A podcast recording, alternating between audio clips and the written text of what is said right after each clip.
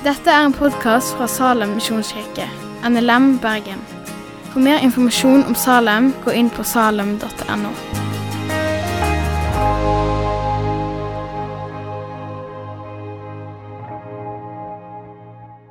Hva er meningen med livet? Hva skal jeg bli når jeg blir stor? Hva får jeg egentlig ut av å gå i Salem? Gir det meg noe? Kjæresten min er egentlig ikke noe god kjæreste. Hun klarer liksom ikke å møte meg der jeg trenger å bli møtt. Hmm. Hva er meningen med alt? Hva vil de på bussen tenke om meg hvis de finner ut at jeg er kristen? Eller de i klassen? Nei. Fullstendig tilfredsstillelse ligger i å løfte opp Gud, ikke oss sjøl. Livet vårt er meint å ha et videre nedslagsfelt enn bare vårt eget land, vår egen kultur og oss sjøl. Meningen ligger i fellesskap, ikke individualisme. Glede fins i gavmildhet, ikke i materialisme. Sannhet fins i Jesus Kristus, ikke i universalisme. Dette er evangeliets store belønning Gud sjøl. Når vi setter livet på spill for å følge Jesus, så oppdager vi òg den tryggheten som bare fins i Hans herredømme. Sikkerheten som bare fins i Hans kjærlighet og tilfredsstillelse som bare fins i hans nærvær. Det handler ikke om meg, men det handler om han. Temaet i dag er tatt fra Filippebrevet 4, vers 13. Men jeg leser òg 12, for det sier noe vesentlig om det verset vi skal snakke litt om. Jeg vet hva det er å ha det trangt, og hva det er å ha overflod. I alt og i alle ting er jeg innviet. Å være mett og å være sulten å ha overflod og å lide nød. Men alt makter jeg i ham som gjør meg sterk. Alt makter jeg i ham som gjør meg sterk. Temaet er valgt fordi jeg ønsker å si noe om utfordringene som vi møter på i det daglige. Temaet er også valgt for å vise litt om hva evangeliet er i praksis og hva potensialet som ligger i det å følge Jesus. Dette verset her, Filippe 4,13, er et av de mest siterte versene fra Nytestamentet. Mange av dere har sikkert sett verset 'Alt makter jeg Han som gjør meg sterk' på sånne oppmuntringskort. Til og med på T-skjorte eller på krus. Så det er et veldig, veldig typisk vers som er brukt uh, innenfor kirken. Noen hadde til og med tatoveringer med det verset. Men ofte så er det verset kutta ned til 'alt makter jeg'. Prikk, prikk, prikk. Så har han ikke med seg resten. Eller så det står på engelsk 'I can do all things'. Det fjerner egentlig det mest grunnleggende med hele verset. Men egentlig så er det òg litt sånn betegnende for den tiden som vi lever i. Fordi at tatt ut av sin sammenheng så sier dette verset at det er oss, eller at det er meg, i sentrum. Og så glemmer en Gud. Men så er det sånn, dessverre, at vi, vi lever i en tid hvor individualismen, altså fokuset på oss sjøl, sjølrealisering, er den rådende normsetteren. Det er den som setter standarden for hva vi skal tenke, hva vi skal velge. Det er liksom hva er best for meg, ikke hva som er best for oss, eller hva som er best for andre. La meg derfor ta dere med på en sånn liten filosofisk eh, reise. Filosofen og teologen Charles Taylor, for noen av som har hørt om han, han skrev en bok som heter 'How Not To Be Secular', altså 'Hvordan ikke være sekulær'. Uh, og han sier at vi har gått fra å være et samfunn som er kollektivistisk, dvs. Si fokus på oss, til å bli et samfunn som har fokus på meg, på individet. Tidligere så var på en måte Gud en naturlig del av hele samfunnet. Gud var øverst i hierarkiet. Alle retter seg etter Gud.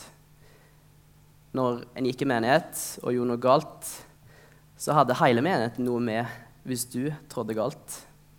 Da greip folk i menigheten inn, og de rettleder deg og sa ifra om at det der, det er ikke greit. Så en var en del av en større sammenheng. Og i det hele tatt så var det ikke sånn kjempestort rom for individet på den tiden. Det var liksom kollektivet. Det var landet, det var ett folk. Det var liksom ikke meg. Sjølrealisering var på en måte ikke en greie. Det kan en se f.eks. I, i dag òg, eh, i Kina. Ser en at Kina handler om Hvis en kjenner den kinesiske kulturen, da, det handler om Kina. Det handler ikke om individet. Kina som land de fjerner gjerne noen individ for, å, for at landet skal ha framgang, hvis en setter litt sterke ord på det. I motsetning til USA, der individets frihet er i sentrum. I USA er det American Dream. Det er liksom den store greien. Alle kan være sin egen lykkes smed. Alle kan lykkes hvis de bare gjør en god nok innsats. The American dream is independence and being able to create that dream for yourself. Independence og create for yourself. Ser at det er liksom Det er meg i sentrum. Og så er det jo ingen underdrivelse å si da at den amerikanske drømmen har jo egentlig påvirka oss ganske heftig. Gjennom filmer og TV-serier musikk osv., så, videre, så har på en måte det tankesettet det har påvirka vårt samfunn, europeisk tankegang. Så Vi lever altså i en kultur hvor det er individet som er i sentrum. Og så skal en finne sin egen vei og skape sin framtid i det her. Det å ha retten til å bestemme over sitt eget liv, det er på en måte en hellig gral. Det er ingen som stiller spørsmål med det.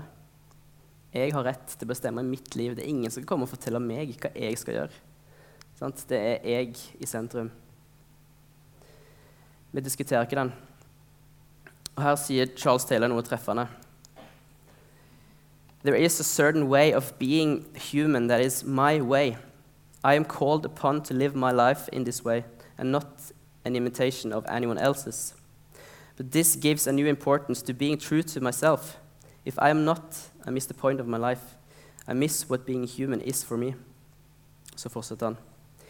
Being true to myself means being true to my own originality, and that is something only I can articulate and discover. I am articulating it. I am also defining myself. I'm realizing a potentiality that is properly my own.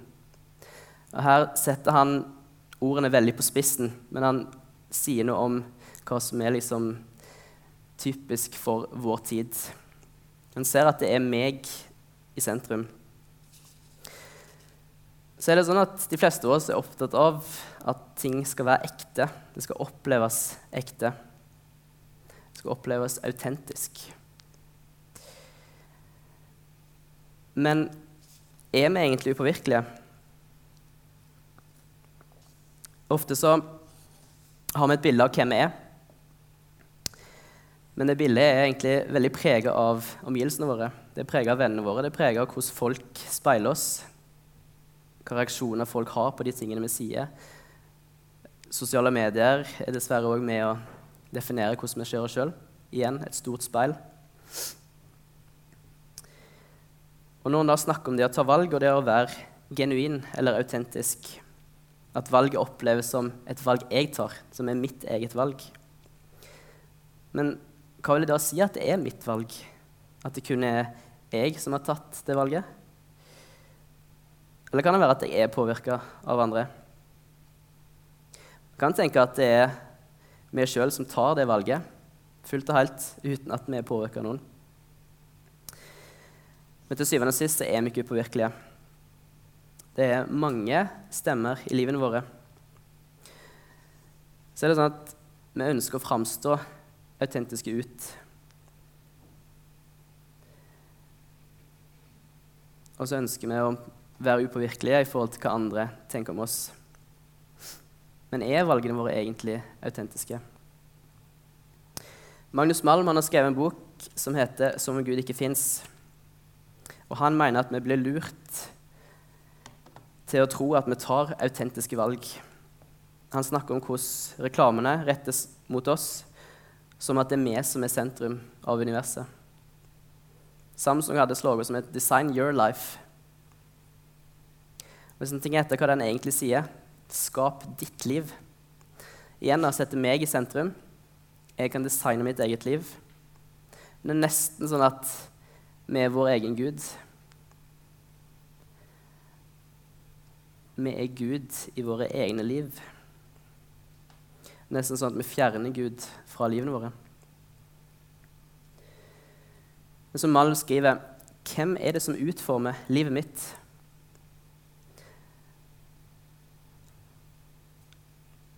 Den kjente amerikanske kosmonauten Buzz Aldrin Kosmonaut er da en som har vært i verdensrommet. Han sa det at I think the American dream used to be achieving one's goals in your field of choice. And from that, all other things would follow. Now I think the dream has morphed into the pursuit of money. Accumulate enough of it, and the rest will follow. Altså at alt handler om å få mest mulig penger, få mest mulig inntekt, skape sin egen skjebne. Og Det er interessant, for det treffer noe av det som jeg står oppi.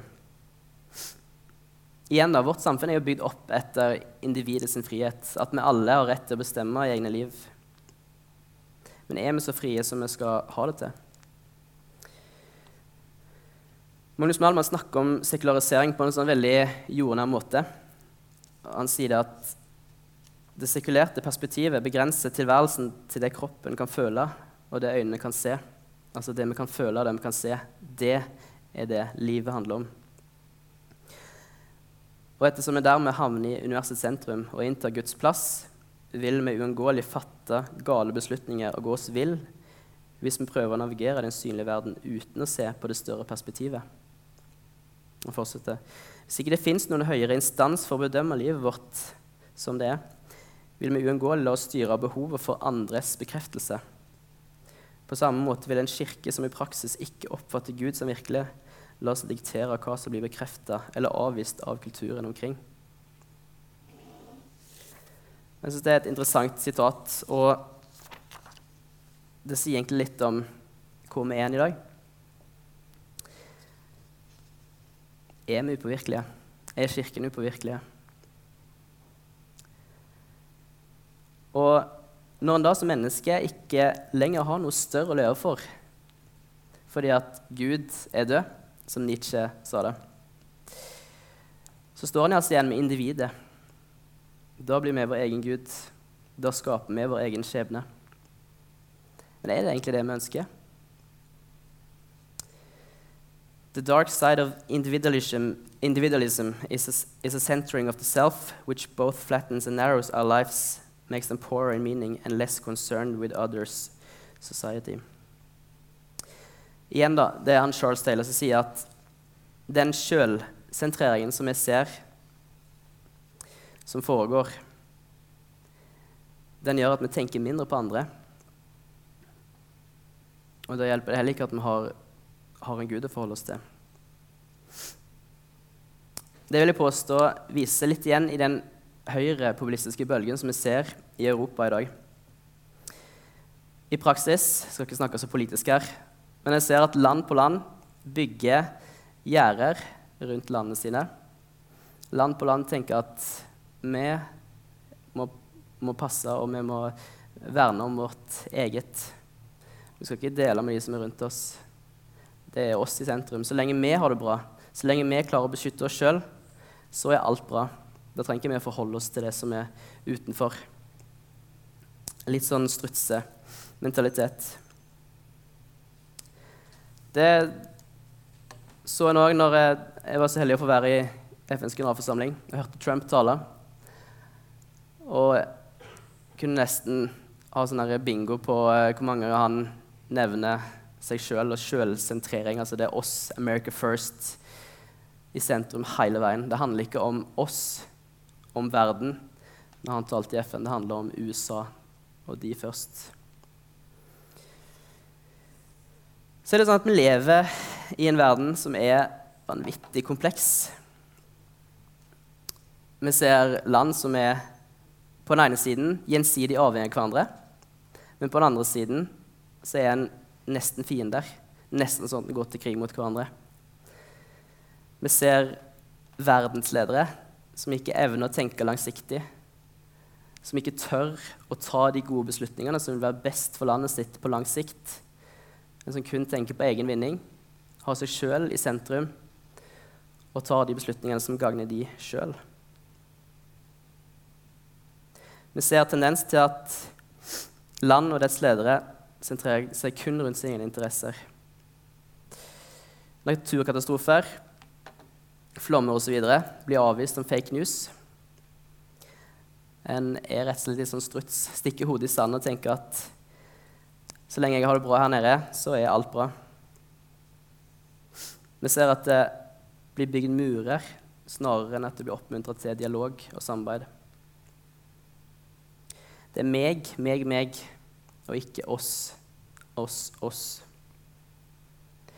Og det er midt i det her at vi må utfordre de idealene som er i samfunnet vårt, som preger oss. Vi må stille spørsmålet hva er det egentlig som påvirker oss, og hvem er det vi egentlig lar definere oss? Og Det koker ned til et spørsmål om identitet. Hvem er jeg? Og hva du tenker om hvem du er, og hvor du har identiteten din, det vil definere de valgene du tar. La oss definere av tanken i tiden som sier at du skal finne din egen vei og kun tenke på deg sjøl? Eller la vi oss forme av at det faktisk er en større hensikt? At det er en Gud som har en plan med livene våre? Jeg tror mange i dag opplever at de ikke har røtter. De opplever at ting er så utrolig flytende. For det er liksom En skal lete innover seg sjøl, en skal finne svaret i seg sjøl. Og når en leter innover seg sjøl, det er ikke der en finner Gud. Gud er her. Han er i oss, ja. Men liksom Ja, jeg, jeg tror meningen med livet er å realisere meg sjøl. Jeg tror på det beste i mennesket. Hvor er Gud i det?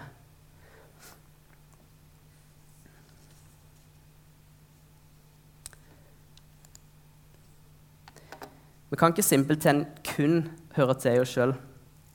For jeg tror ikke meningen med livet er bare meg. Jeg tror ikke det kommer noe godt ut av at jeg får tilfredsstilt alle mine behov og ikke trenger å tenke på andre. Overhodet ikke.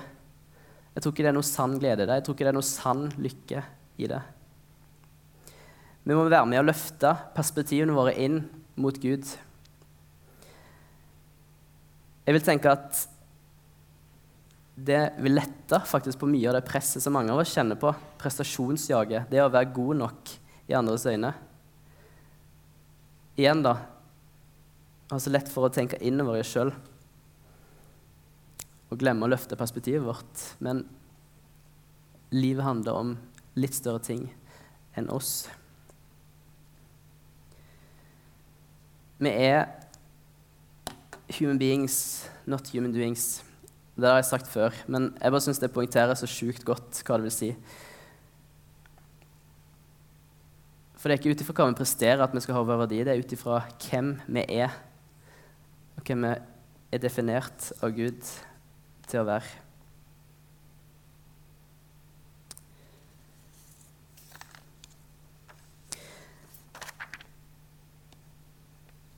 Når vi flytter fokuset vårt bort fra oss sjøl og på Gud, så tror jeg at da begynner det å skje utrolig spennende ting.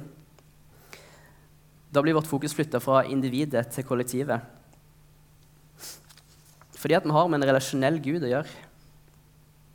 En Gud som ønsker å ha en nær relasjon til hver og en av oss. En Gud som elsker oss så høyt at han ga seg sjøl for våre liv, så vi skulle få frelse gjennom han. Gud er ikke til for oss. Gud er ikke til for vår lykke. Gud er ikke til for å tilfredsstille våre behov. Men vi er til for Gud. Vi er skapt av Gud. Vi er skapt av en Gud som måtte skape, fordi han er en Gud som er kjærlighet, fordi han er en Gud som må dele den kjærligheten med sine skapninger. Vi elsker Gud, og i det ligger kjernen av hvem vi er. Elsker av Gud. Ikke pga. hva vi gjør, ikke pga. hva vi presterer. Alt makter jeg i Han som gjør meg sterk. Ikke alt makter jeg. Ikke meg. Men alt makter jeg i Han. I Han som gjør meg sterk. Jeg liker å beskrive identiteten min i Gud som at den er forankra. Det er som et anker som ligger på havbunnen. Og den forankringen er identiteten min. Den er hvordan jeg er rotfesta i Gud. Men hvis det ankeret ikke er der, hvis jeg ikke hadde vært forankra i Gud, så hadde den båten den hadde drevet rundt og blitt tatt av bølgene i livet. Utfordringen møter på, de stygge kommentarene kan få av og til, avvisninger du oppleve, vonde ting som skjer. Plutselig så blir han drevet mot land. Men fordi jeg har den forankringen i hva Gud sier om hvem jeg er, så ja, jeg kjenner de bølgene. Jeg kjenner bevegelsen som kommer i livet. Men jeg driver ikke mot land fordi jeg er forankra i Gud. Han gjør at selv om jeg opplever stormer i livet, så er jeg trygg. Jeg er rotfesta i Han.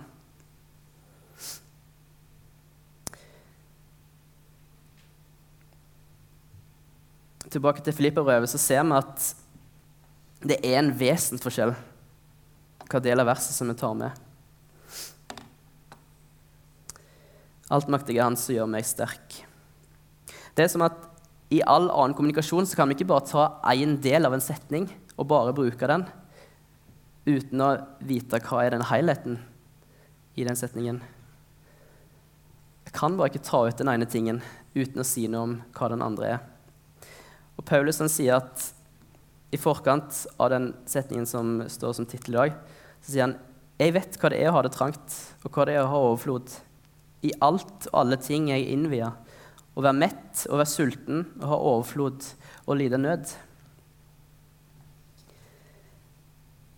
Det må vi forstå at det her handler ikke om oss.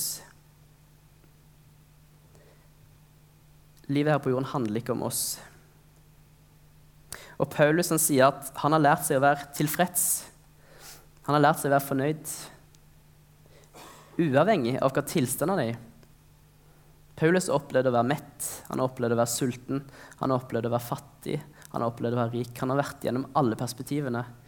Og så han jobber med seg sjøl og sin egen hjerteholdning. Og så sier han at 'jeg er tilfreds', for at i ham kan jeg gjøre alle ting.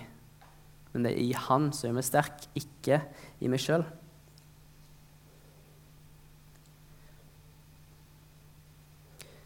Mange tror at det verset her handler om alt som vi kan gjøre. At når en ser det verset, så ja, alt er mulig. Men det er ikke det det egentlig handler om. Alt makt er Han som gjør meg sterk, Han som gjør meg sterk. Det er ikke jeg som skal gjøre meg sterk. Det er ikke jeg som skal prestere for å bli sterk nok, men det er han i meg.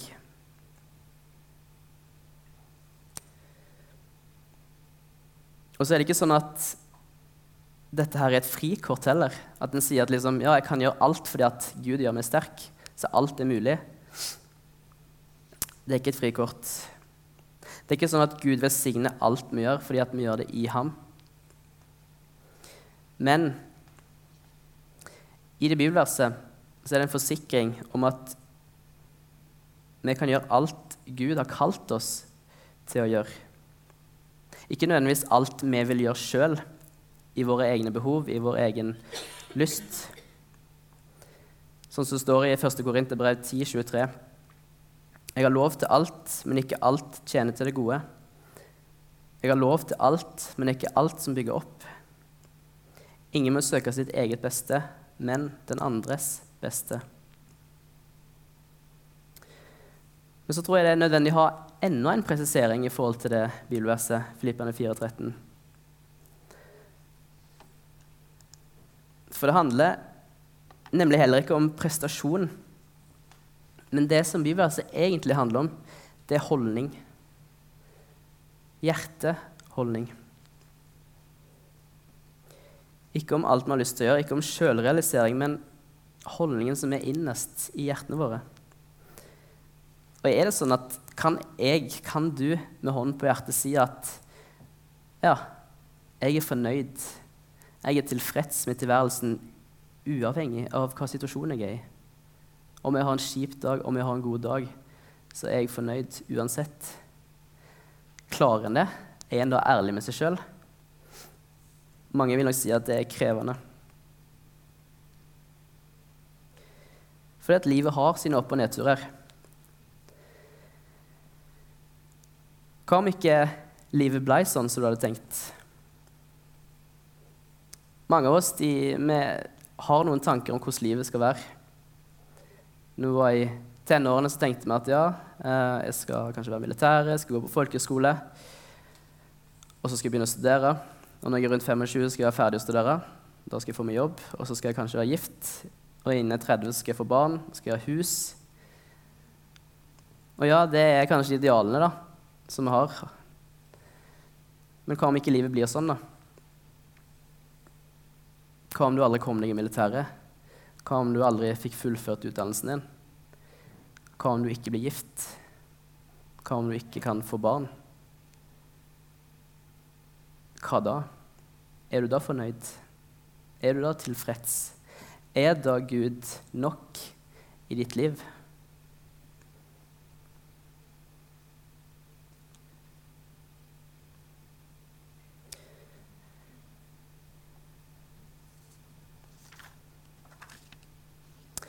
Jeg merka at i jobben som politisk rådgiver, i en jobb som er vanvittig det er et vanvittig arbeidspress, så kjente jeg at når jeg gjorde nye ting, når jeg jobbet med statsbudsjett, som jeg aldri hadde gjort før, når jeg skrev et leseranlegg til VG, når jeg kontakta TV 2, hva enn det var, som var noe jeg gjorde for første gangen, så kjente jeg liksom åh, Ble skikkelig stressa. Kjente på et press, fordi at hvis jeg feiler så får det konsekvenser. Ikke bare for meg, men det får konsekvenser for han jeg jobber for. Hvis jeg skriver noe feil, så kan det plutselig bli en politisk skandale. Vi vet hvordan mediene er i Norge. Det er sånn skal ta, skal ta-mentalitet. Og det gjorde at jeg kjente at her må jeg jobbe med identiteten min. Her må jeg jobbe med hvor jeg har tryggheten min.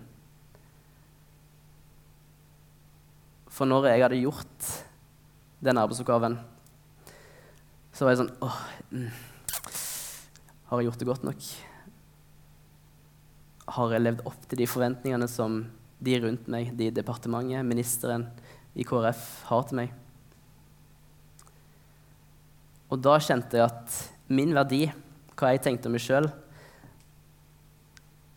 ble mye mer i det jeg hadde gjort, i det jeg hadde prestert, enn det jeg egentlig hadde lyst til sjøl. Jeg kjente at jeg plutselig ble jeg veldig avhengig av å få bekreftelse fordi jeg var usikker i det jeg gjorde. Så verdien min var i det jeg presterte.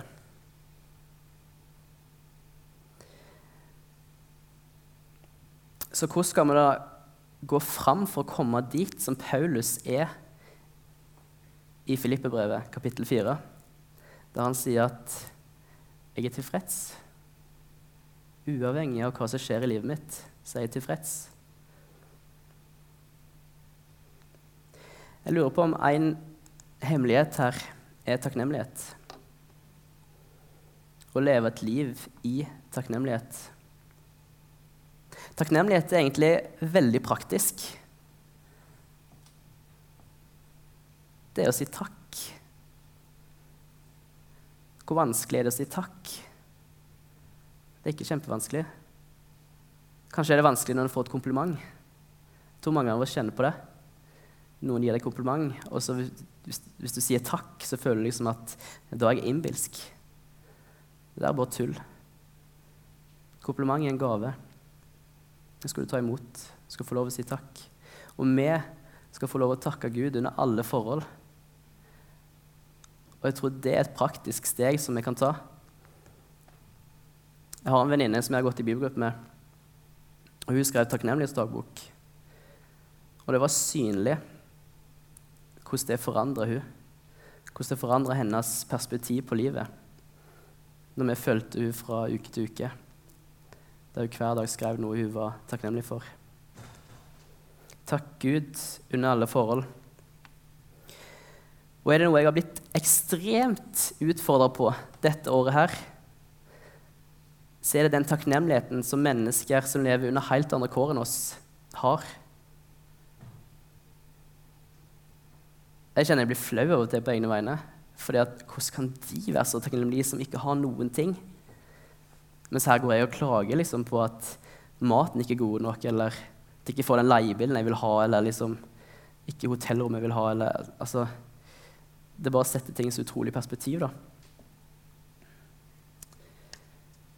Jeg har gang på gang sett hvordan enkeltmenneskene som lever i den takknemligheten, samtidig utfordrer det samfunnet som de lever i.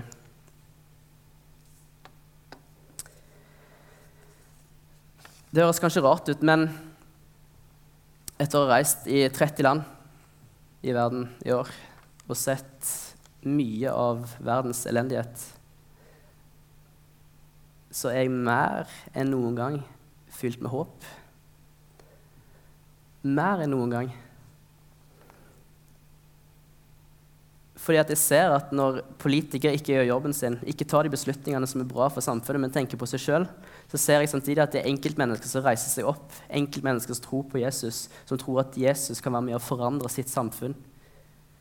Og så tar de tak ut ifra de forutsetningene som de er blitt gitt, ut ifra de gavene og ressursene som Gud har gitt dem. Og så reiser de seg opp og sier de, vet du hva, dette her er ikke greit. Dette her vil ikke jeg stå og se på at skjer. Dette må vi endre i samfunnet vårt. Og det er ikke de i sentrum. Det er så tydelig at de lever i en takknemlighet, ja, og så lever de i en avhengighet til Gud. Og så ønsker de å endre samfunnet fordi det er det til det beste for alle, ikke fordi det gagner de sjøl. Familien deres og mange av de vi har fått møtt i år, har forlatt de, har avvist de. Enten fordi de begynte å tro på Jesus, eller fordi de har valgt å stå opp for det de tror på, inn i samfunnet sitt.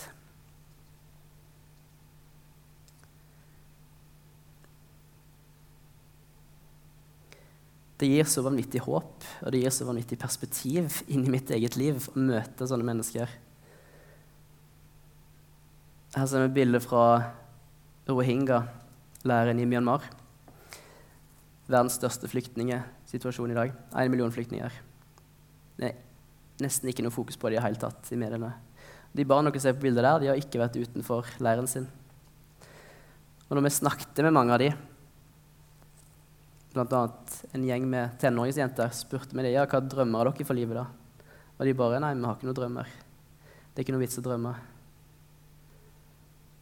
Og det er en sånn håpløshet som bare en ikke klarer å forstå før en har sett det sjøl. Men samtidig er det mennesker som bare ønsker å skape den endringen, og som pusher på og får andre med seg. Dette fordi de tror at Jesus er det beste for sitt samfunn. Jeg ser på det sånn Vi er alle verdens borgere. Vi er ikke kalt til å være oss sjøl nok. Vi er kalt til å bety en forskjell på jordkloden, ikke bare i Norge. Vi hører Gud til, vi er skapt i Hans bilde, og vi er kalt til nestekjærlighet og forvalteransvar. Det er sånn at Størstedelen av det som Jesus lærte oss når han var på jorden, det var ikke liksom hva vi kan gjøre når vi kommer til himmelen, men det var konkrete ting for hvordan vi møter mennesker her og nå. Hvordan vi møter mennesker i samfunnet. Hvordan vi skal se på oss sjøl, hva vi skal tenke om oss sjøl. Gud som elsker oss, og ut ifra Han skal vi få lov å leve av livene våre. Veldig praktisk forkynnelse av Jesus. Jeg tenker at Det vi har, blitt, det vi har fått her i Norge, det vi blir gitt. Det tilhører Gud. Det er superflaks at vi er vokst opp i Norge med alle de ressursene vi har. Superflaks. Da tenker jeg at det skulle bare mangle at vi bruker av vårt overflod til å bety en forskjell for andre. Jeg tror ikke det er tanken at vi skal sitte og holde alle verdiene i dette landet for oss sjøl innenfor de norske grensene. Jeg tror det vi har fått, det skal vi få lov å dele med andre.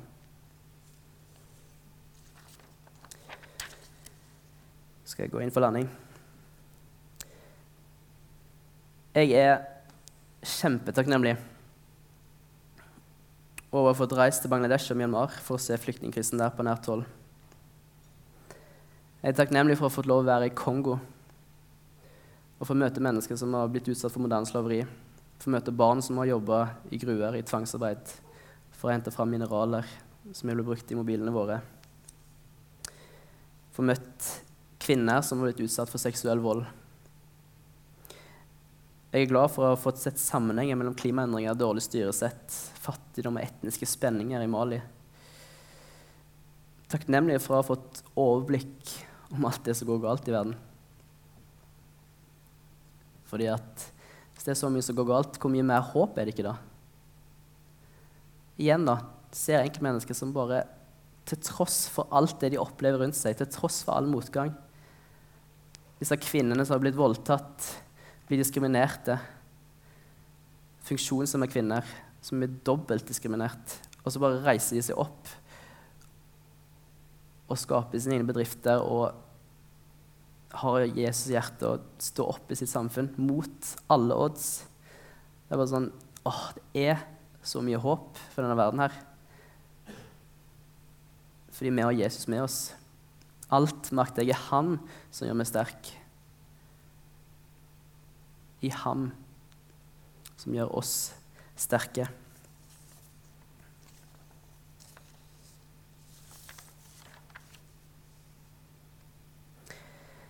En liten oppfordring til slutt. Jeg føler at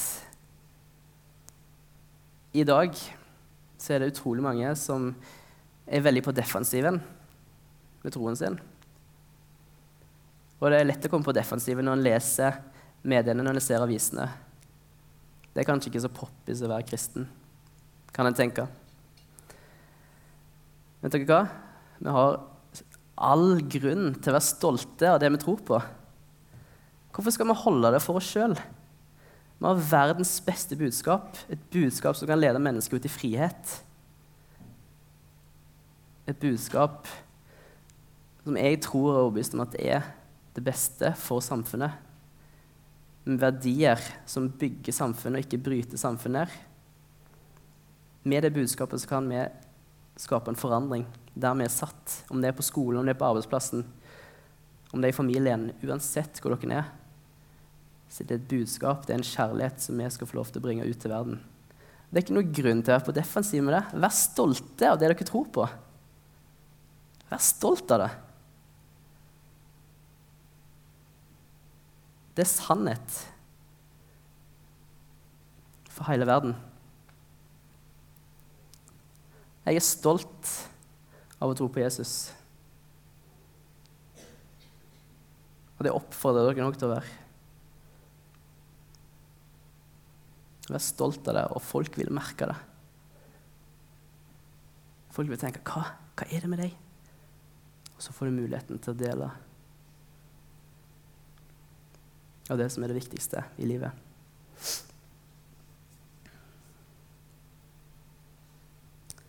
Det starter med takknemlighet til Gud. Å takke Gud under alle forhold. Å takke Gud for det han gjør i livene våre. Fordi at livet i seg sjøl er en gave. Fordi alt vi har, har vi fått av Han.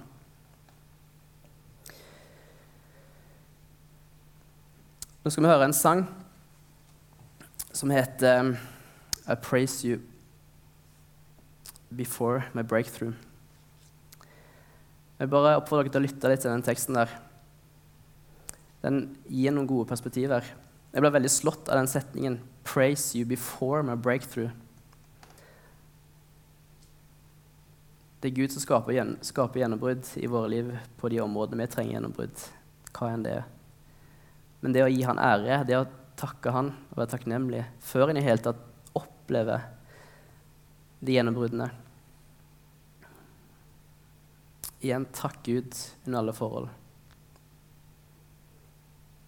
Det begynner med takknemlighet. Start hver dag med å takke Gud. Avslutt hver dag med å takke Gud fordi at alt vi har, har vi fått av Han. Alt makter jeg i Han som gjør meg sterk. Kjære Gud, jeg takker deg fordi at du bor i oss. Jeg takker deg for at du er sannhet, at du er frelse for oss. Jeg takker deg at du viser oss sann identitet. Du viser oss meninga med livet. At du gir oss perspektiv på hva det vil si å være elska.